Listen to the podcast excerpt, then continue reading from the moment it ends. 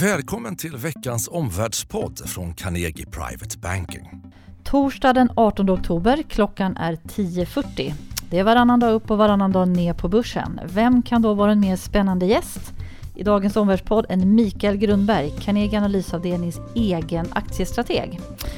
Mikael, du har över 30 års erfarenhet från aktiemarknaden. Du är dessutom rankad som den bästa inom makroanalys och strategi bland institutionella kunder i Sverige. Men du är också känd som en av grundarna till finansfirman ABG, där du är get. Välkommen Mikael!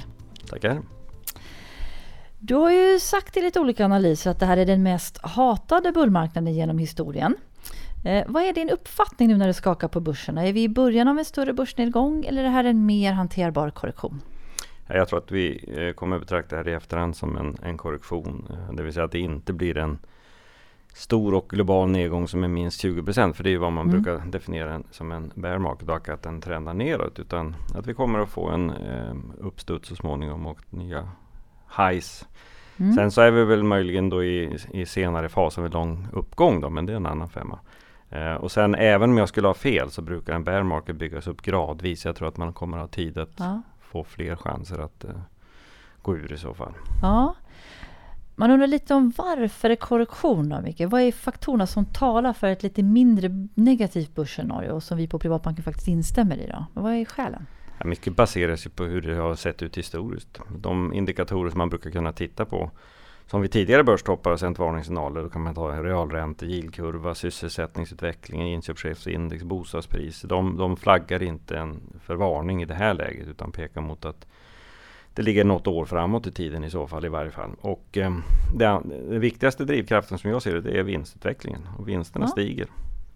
Eh, sen så har vi fortfarande räntor på väldigt låg nivå. Det är ytterligare en viktig faktor. Ja. Det blir jättespännande med rapportsäsongen här då. Men du, konjunktursignalerna har ju varit lite mer spridda. Men ditt svar låter som att du är ganska lugn kring konjunkturen ändå. Eh, varför ser du ingen recession i korten? Det finns ju många som är rädda för det. Nej, men recessionen beror ju oftast på att man har haft någon form av överexpansion till att börja med. Så det är den ena viktiga faktorn. Att om man har sprungit för fort då brukar man bli trött. Och det är lite grann samma sak här. Va? ja. Om man har sprungit långsamt så brukar man kunna mm. hålla i ganska mycket längre. Och det tror jag är en viktig faktor. Eh, det andra är att vi, vi har inte sett någon stor kreditexpansion i sig. Då, och det är ju också mm. en sån här signal. Eh, och, så, och, och, det betyder också att när vi då har fortsatt låga räntor så man trycker inte till bromsen tillräckligt mycket helt enkelt. Och då mm. har jag svårt att se att man får en recession i närmaste året. Då. Ja, det är tydligt Mikael att du inte tror på en recession i ekonomin och inte på en bear market på börsen. Och det här baserar du på historiska erfarenheter. Men om du letar lite sådär med ljus och lykta, vad skulle kunna vara annorlunda den här gången i investeringsklimatet? Jag tycker egentligen att den politiska situationen har gått från, på svenska använder vi egentligen bara ett enda uttryck, det är politik. Ja. Men, men, men, men i den engelska vokabulären så skiljer man på politik och policy, alltså på det som mm. är eh, faktiska åtgärder. Jag, jag, tycker man kan säga att inte minst eh, amerikanska presidenten eller eh, ja, framför, framförallt har ju eh, Trump gått från att vara en retoriker mm. Till att eh, faktiskt också genomföra policy. Vi har sett skattesänkningar, vi börjar se tullar. Mm. Man har genomfört eh, en bojkott mot Iran och, och mm. vänt egentligen eh, helt och hållet i den frågan. Och, och det här är ju då eh, skillnaden. När det börjar mm. gå över till policy då får det faktiskt en, en tydlig påverkan på världsekonomin. Så man kan, om man summerar eh, tariffer, tullar som skulle kunna skapa ett osäkert klimat för ja. investeringar. Eh, vi har oljepriser som går upp tack vare att man byter mm. fot när det gäller Iranfrågan.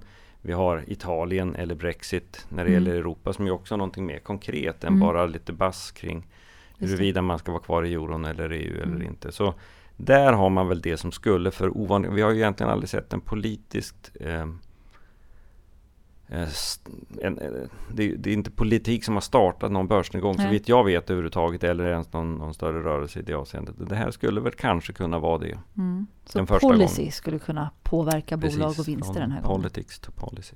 Ja. Eh, men vi står inför en spännande rapportsäsong också nu då. Eh, och i somras då såg vi ju hur starka vinster faktiskt dominerade över de här orosmolnen som du nämnde då, som handel och vi hade också lite tillväxtmarknadsturbulens. Vad tror du nu att vi får för vinstsignaler i de här tredje kvartalets resultatrapporter från bolagen? tittar vi specifikt på eh, vinst vinsterna i rapporten så tror jag att vi kommer att ha en ganska solid säsong. Om vi, vi har ju kommit en bit in i det här faktiskt redan.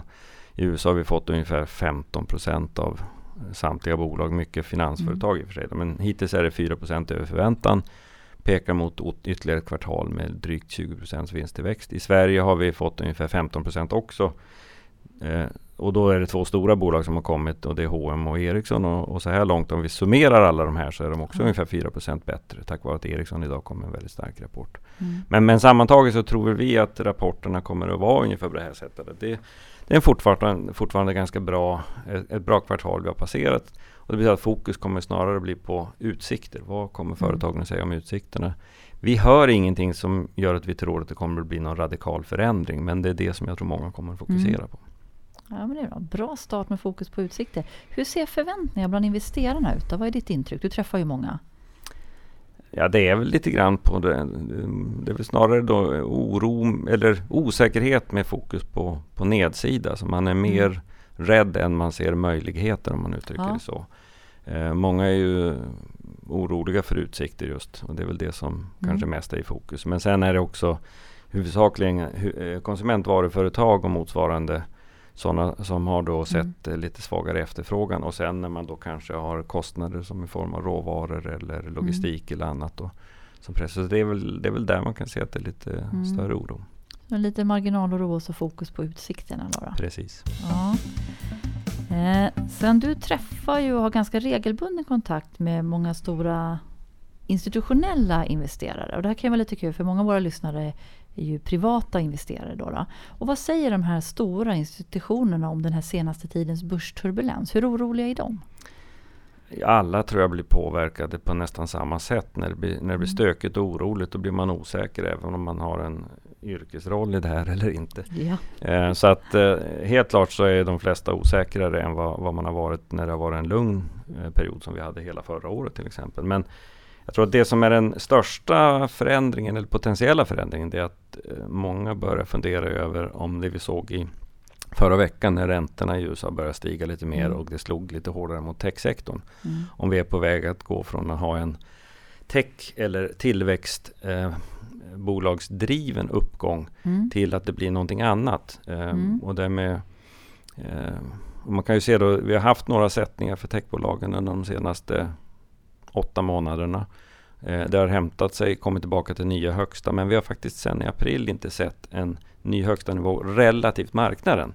Mm. Och det är väl det som man då kan ställa sig frågan, är det här någon form av skifte i marknaden så att vi går från en, mm. en typ av bolag till någonting annat som jag eh, känner att det är väl det som de flesta ser som den mm. viktigaste frågan.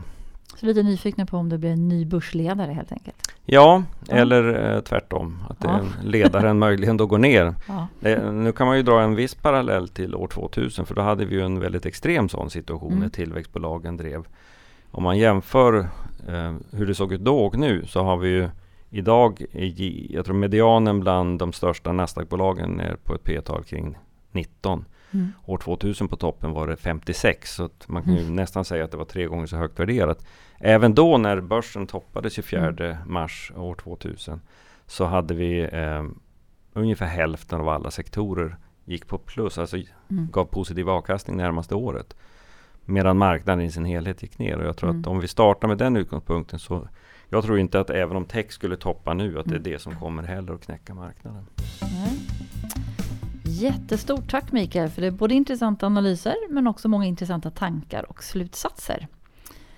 Eh, dagens tre slutsatser då eh, från Mikael Grundberg, strategen på Carnegie Analys, det är att vi befinner oss inte börsmässigt i en bear market i närtid, det är inte vad han förväntar sig. Eh, solida rapporter, men viss osäkerhet kring utsikter som är det man ska fokusera på och där osäkerheten råder. Och institutionella investerare, de sitter och funderar på om tech kan fortsätta leda börsen.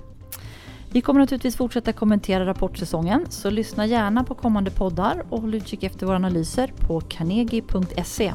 Och för er som är kunder, ladda gärna ner vår app. På återhörande.